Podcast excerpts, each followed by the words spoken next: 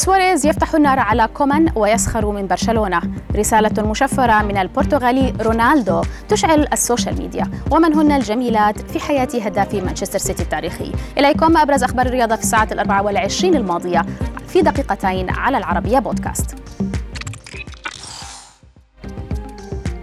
شغل حديث لويس سواريز مهاجم أتلتيكو مدريد الإسباني مع إذاعة محلية مواقع التواصل الاجتماعي على اختلاف منصاتها. سواريز فتح النار مجددا على إدارة برشلونة السابقة بعدما أكد أنها كانت تستغل تستغله لإقناع الأرجنتيني ميسي والفرنسي جريزمان بالبقاء. ثم تخلت عنه عبر وسائل الإعلام دون إخباره بذلك. وبرأ سواريز المدرب كومان من قضية رحيله عن برشلونة إلا أنه في الوقت نفسه وصفه بالجبان وضعيف الشخصية لعدم قدرته على مواجهة الإدارة السابقة.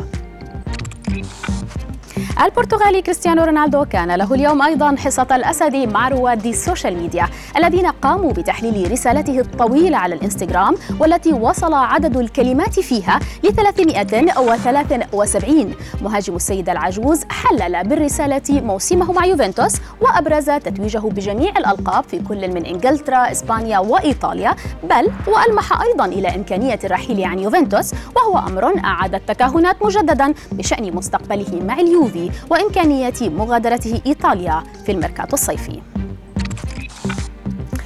وإلى إنجلترا حيث من المتوقع أن يواجه توماس بارتي عقوبة بعدما انتشرت له صورا يحتفل في ملهى ليلي مع عارضه أزياء لم يتم الكشف عن هويتها مخترقا بها الإجراءات الصحية الخاصة بفيروس كورونا. هذه الصور وبحسب صحيفة ذا صن نشرت عبر عارضة الأزياء المجهولة هذه وتم التقاطها في لندن وتحديدا صباح يوم الاثنين الماضي أي بعد نهاية مباراة أرسنال وبرايتون وفقدان فريقه فرصة التواجد في أي بطولات أوروبية للمرة الأولى منذ 25 عاما.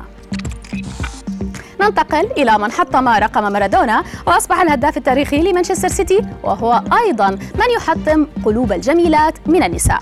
الأرجنتيني سيرجيو أغويرو بحسب الصحف الإنجليزية فقد ازدادت شعبيته وبات أكثر نجاحا وجذبا وتلقيا لعروض كثيرة من الجنس الناعم مقارنة ببقية لاعبي مانشستر سيتي منذ انتشار خبر توصله لاتفاق للعب في صفوف برشلونة الإسباني وهو الذي يصل راتبه إلى 250 ألف جنيه استرليني أسبوعياً. الختام مع المصارعة الحرة وإعلان تشيلسي جرين اقتحامها لعالم وكلاء لاعبي هذه الرياضة. المصارعة المعتزلة أعادت تسليط الأضواء عليها والتي لم تخفت أساسا منذ مشاركتها في عروض الأزياء الخاصة بثياب السباحة وجددت تحديها للجنس الخشن وهذه المرة عبر بوابة وكلاء الأعمال.